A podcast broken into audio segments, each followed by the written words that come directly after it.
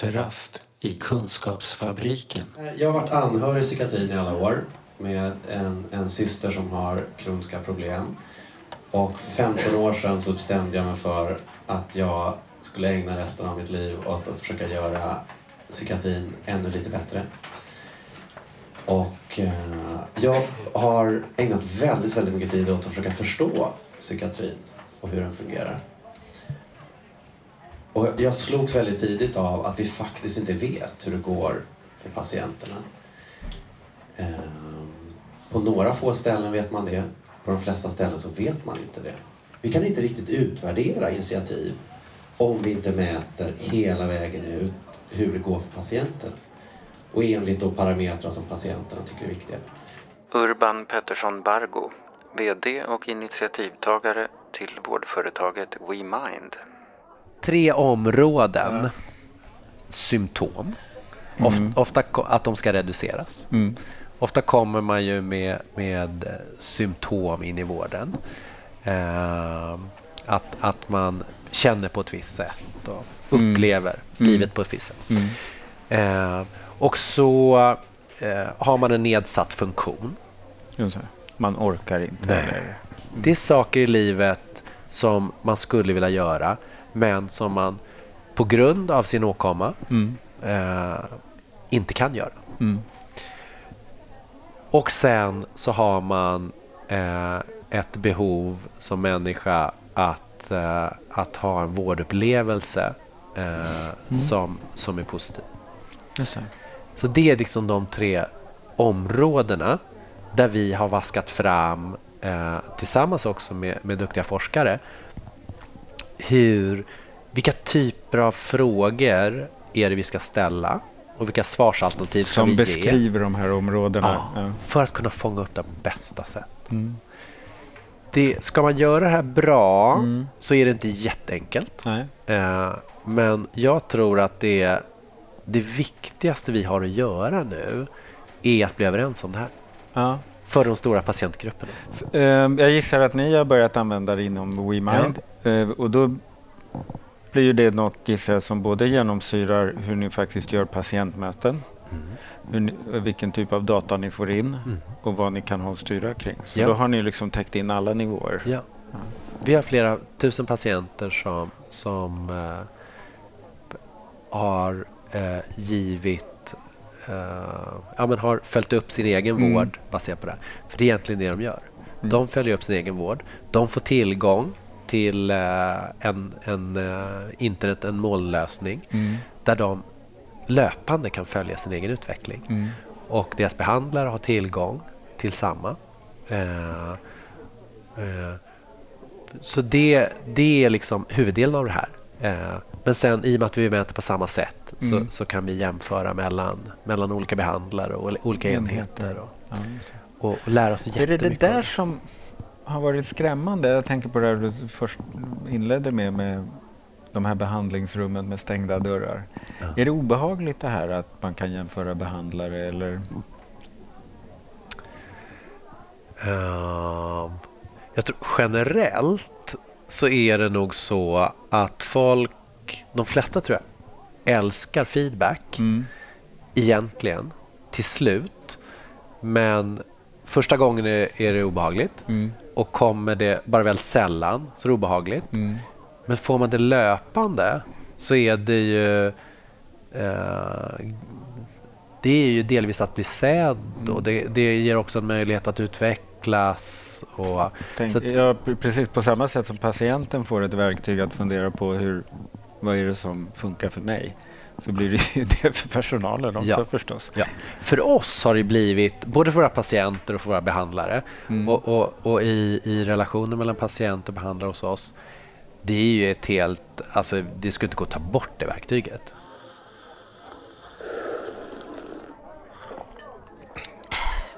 Men vad intressant att du, att du nämner eh, delaktighet Mm. i det här sammanhanget. För det är precis så jag tänker på det. Mm. Eh, en, en nästan nödvändig del av delaktighet är att man hela tiden får chans eh, att, att berätta för sin kliniker eh, hur man reagerar på behandlingen. Mm. Eh, och själv få följa det. För det kan Mm. man faktiskt behöva lite hjälp med. Mm. Och, och omvänt också den största frustrationen som jag tycker ofta patienter känner det är ju det här att man inte vet vad som ska hända nu. Ehm, och att man inte, vad, jag vet inte, men nu bytte de medicin, jag vet inte riktigt varför eller liksom sådär. Att man inte är invigd i processen. Liksom. Det är ju jättekonstigt. Ja, ja. Ja. Så, så det, det, det självklara i att tillsammans med patienten lägga en tydlig vårdplan Mm. som patienten har jättestort inflytande över. Eh, och alla de delarna är ju, en, en, en, tänker jag, behövliga delar Mm. för att det ska bli delaktighet på riktigt. Mm. Liksom. Eh, för individen under behandlingen. Delaktighet ska inte ske efteråt, eller, utan det under hela Mm. behandlingen ska man vara delaktig i varje Man steg. ska vara ett liksom. subjekt där. Ja.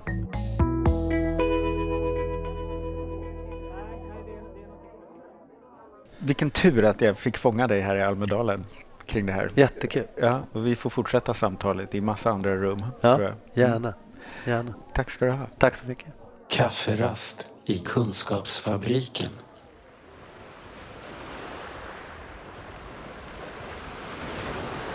Hej Anders Åkesson. Välkommen till kafferast i Kunskapsfabriken. Hej Anders! Ja, det var ett roligt namn tyckte jag. Ja. Ja just det. Jag dricker ju mest te i och för sig. Det kan stå för att man dricker te, bara man tar rast i Kunskapsfabriken ibland. Så Ja det att, behöver vi göra Ja, emellanåt. Det är ju allt för lite kunskap emellanåt Ja. vi har. Politik är inte alltid kunskap.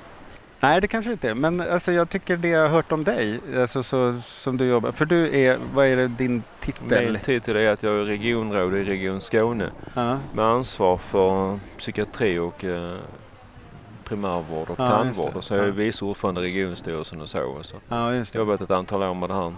Men du har ju dykt upp ganska ofta här nu, inte minst den här veckan, kring Ja. när det handlar om frågor om patient och brukarinflytande och psykiatri och sådana frågor. Ja, just det. Mm.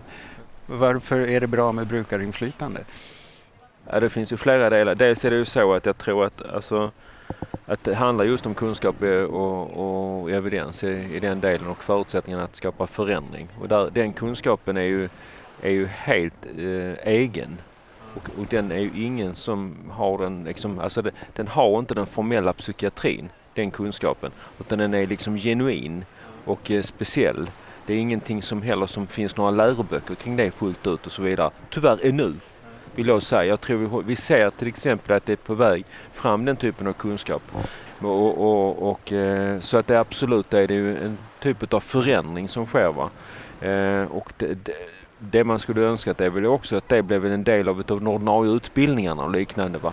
Så att jag menar, det, för att det, även om det är så att man, att man nu på något sätt finns en del av den ordinarie bör,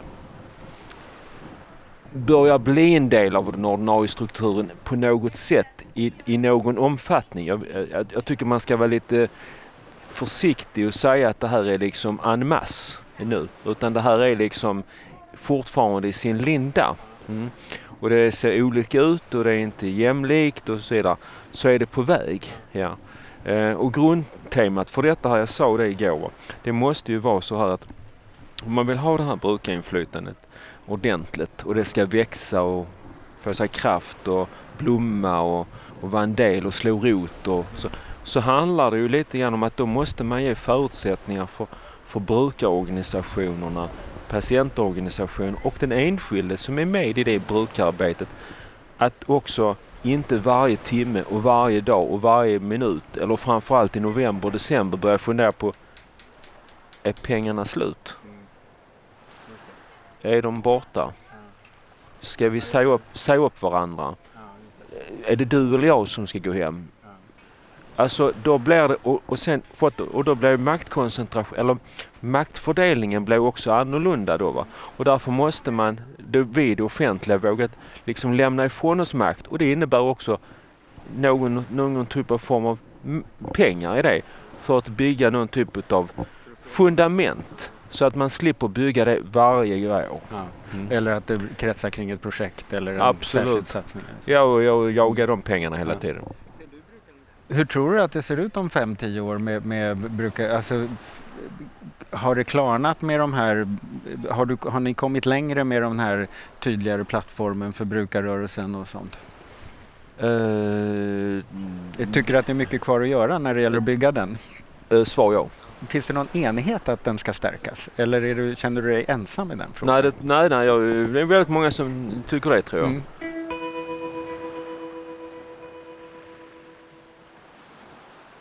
Sen handlar det om tillit och förståelse och varandras roller. Men om man hade tänkt sig ett i- idéburet offentligt partnerskap som inkluderade ett landsting och ett antal kommuner Mm. kring och där man beskrev gemensamt vilka part och d- kring det här området, brukarrevisioner, Mm. brukarinflytande, så hade det ju varit jättebra. Liksom. Och då finns det ju en plattform. Att, hade- att inte bara få pengar utan att göra massa saker. Precis Ja. va, precis va. Och sen är det viktigt att få ett sånt typ av partnerskap. Mm. För det viktiga i det här är ju inte att man bara kan gå in i rummet Nej. och ha de här samtalen med det offentliga, eh, kommun, landsting Mm. eller liknande. Utan det är också att man kan gå ut ur rummet. Det får ju inte bli en gisslansituation Nej, utan det ska vara en, få ett, samtal med idéburen sektor och det civilsamhället eller brukarorganisation Mm. måste bygga på tillit, förståelse Mm. men också olika, vilka roller man har. Mm. Och de rollerna kan bestå i att, att man ska gå ut ur rummet. Det måste bygga på det förtroendet Mm. och vi har en bit kvar i det. Så att, eh, Vad fint. Nu ser jag att du sitter och hoppar för du, det är mycket i Almedalen. ja, ja, precis. Det är mycket det. Jag ber om ursäkt. Ja, ingen fara. Ja. Trevligt att råkas. Ja, tack så mycket för att jag fick vara med. Vi hörs. Ja, tack Hej. så mycket. Hej.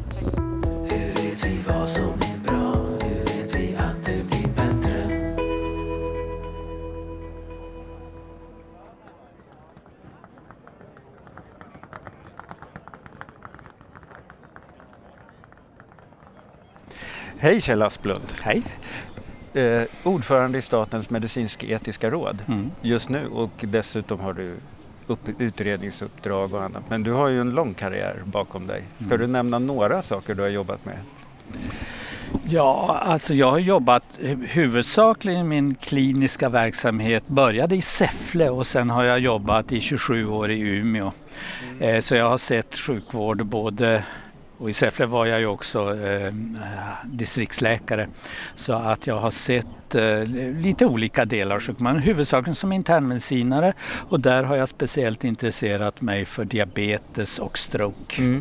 Och det är ju områden som ser rätt annorlunda ut idag jämfört med då gissar jag. Ja, och då det, jag tycker det är två intressanta områden. Alltså diabetesvården, där har ju i, i och med att det kom de här egenmätningarna och eh, att patientgruppen, många yngre alltså som är väldigt engagerade i sin vård så har det blivit en helt annan typ av vård. Den var fruktansvärt auktoritär i Säffle kan jag säga på Ja, medicinkliniken. och det kanske var på fler ställen. Ja, på fler ställen ja.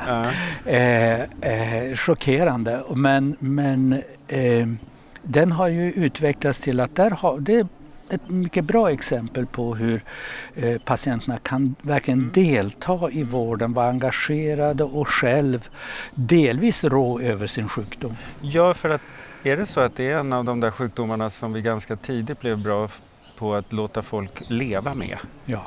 Och jag brukar alltid använda just diabetes eh, som exempel ur flera synpunkter. Det är också en sjukdom där vårdteamet betyder så mycket. Det är minsann inte bara doktorn utan det är ju diabetessköterskan och det är fototerapeuten och det är dietisten i det här teamet och som jobbar väldigt nära ihop. Och det var ju väldigt spännande att vara med i under den utvecklingen. Jag hade diabetesmottagning i Umeå i 27 år alltså och eh, eh, just under den tiden utvecklades det här. Delvis beroende på nya tekniska möjligheter också. Ja, det där påmin- alltså jag vet ju att diabetesvården har ju ibland varit en jämförelse med delar av psykiatriområdet då, som vi jobbar med.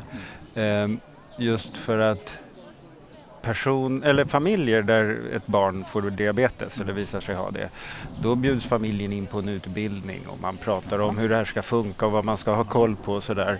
Och när ett annat barn i samma familj får en psykiatrisk diagnos, då blir det ingenting. Och det finns exakt, eller kanske ännu större behov av kunskap och, och liksom vad kommer det här betyda för oss och sådär. Så att, eh, det, Nej, jag har ju ja. varit med på diabetesläger i fjällen med ungdomar och unga Mm. vuxna med, med diabetes där just det här med att röra på sig och, och kosten har varit i, i centrum. Men alltså intensivutbildning under någon Mm. vecka i läger. När ni började med det där med diabetes, var det där en vision ni hade tidigt med att skapa den där typen av team och, och patientfokusering eller centrering och sådär? Nej, jag tror inte jag skulle säga att det- det var vi som hade den visionen Mm. utan den kom ju som en våg över världen Ja. och delvis just som jag sa teknikdrivet. Mm. Alltså att eh, patienterna kunde börja mäta sitt blodsocker själva. Ja, Alltså just det var nog själva Ja, ut, ursprunget i Mm. det här. Men också allmänna stämningar att man eh, går från en väldigt auktoritär diabetesvård där det i stort sett gick ut på att eh, tillrättavisa patienter Mm. eh, eh, var tredje månad alltså. Och, Om eh, vilka fel och de under korta besök, precis vilka fel de hade gjort. Eh, och, och alltså det, det kändes väl redan där på 70-talet att det här var en ganska gammalmodig modell. Ja, just det.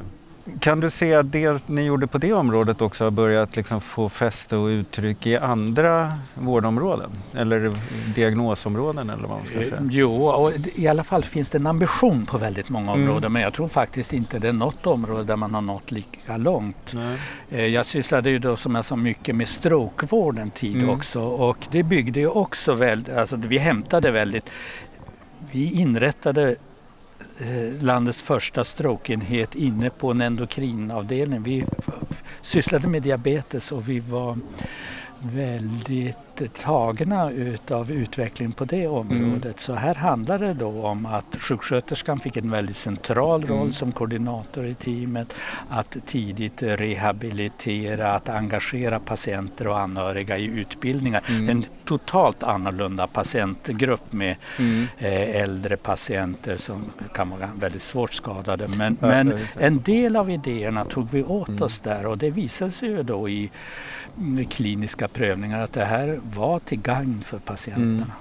Trots att de ju var i, kunde vara i väldigt dåligt skick. Ja, ja. Ehm, och det stämmer ju ganska bra med rätt många av våra grupper på, Mm. på psykiatriområdet. Ja. Ehm, just det här hur får man vården att se en väldigt sjuk person att vara en resurs? Ja, ja, ja, ja. Mm. Eh, och om man då får ta det till vi Det här Statens medicinetiska råd. Vi har nyligen kommit med en rapport som handlar just om egenmätningar och Mm.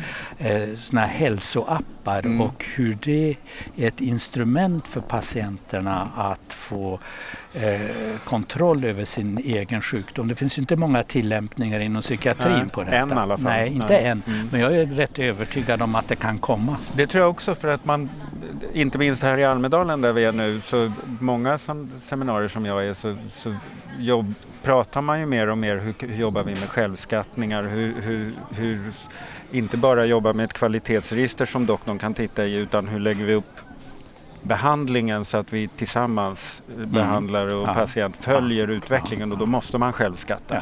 Så att säga. Och vi hade ett eh, eh, seminarium här nu eh, igår, förrgår morse Mm. eh, som handlade om digitala vårdmöten. Mm.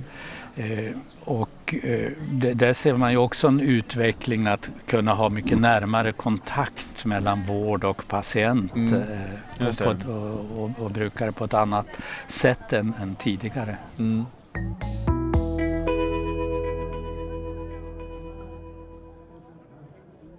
Alltså det här personliga ansvaret för sina patienter. Mm.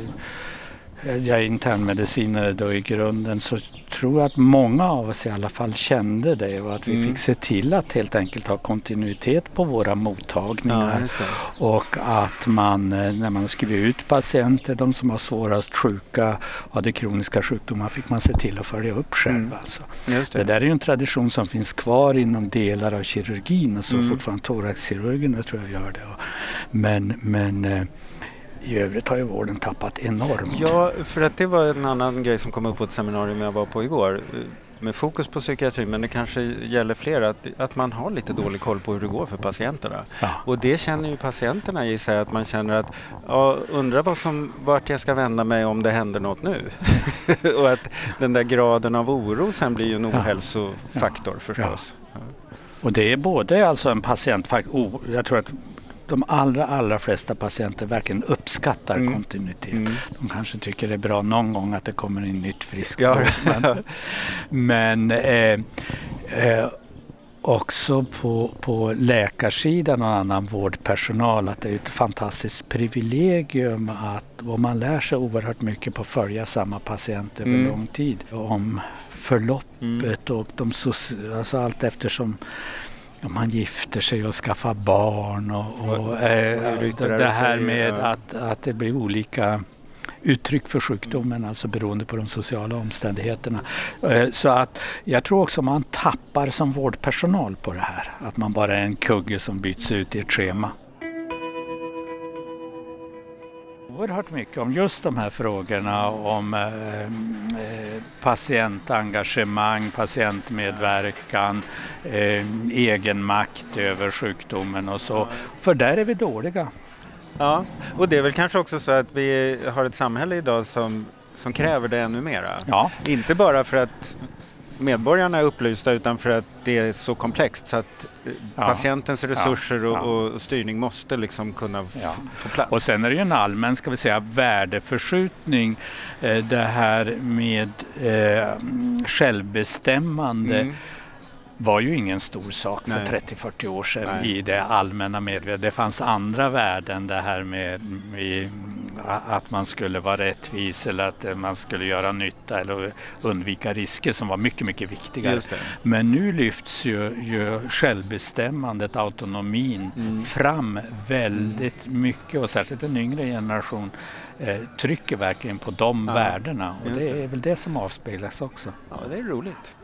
Det är så, men det är väl så med, med en samhällsutveckling eh, som, och ett samhälle som skapar så mycket ny kunskap hela Mm, tiden. mm. Att det också skapar ett väldigt tryck på att liksom hänga med i sin tid. Liksom. Ja, ja. Så där, det är ju Ja, spännande. ja. Mm. Ja, nu börjar de spela väldigt mycket disco här runt omkring. Eh, vad roligt att jag hann fånga dig här i vimlet i Almedalen, Mm. Kjell. Eh, så ses vi kanske i något annat sammanhang snart. Stort tack för det här Tack samtalet. själv. Hej. Den här podden görs av NSPH, Nationell samverkan för psykisk hälsa. Läs mer på vår hemsida www.nsph.se eller följ oss på Facebook, Kafferast i Kunskapsfabriken.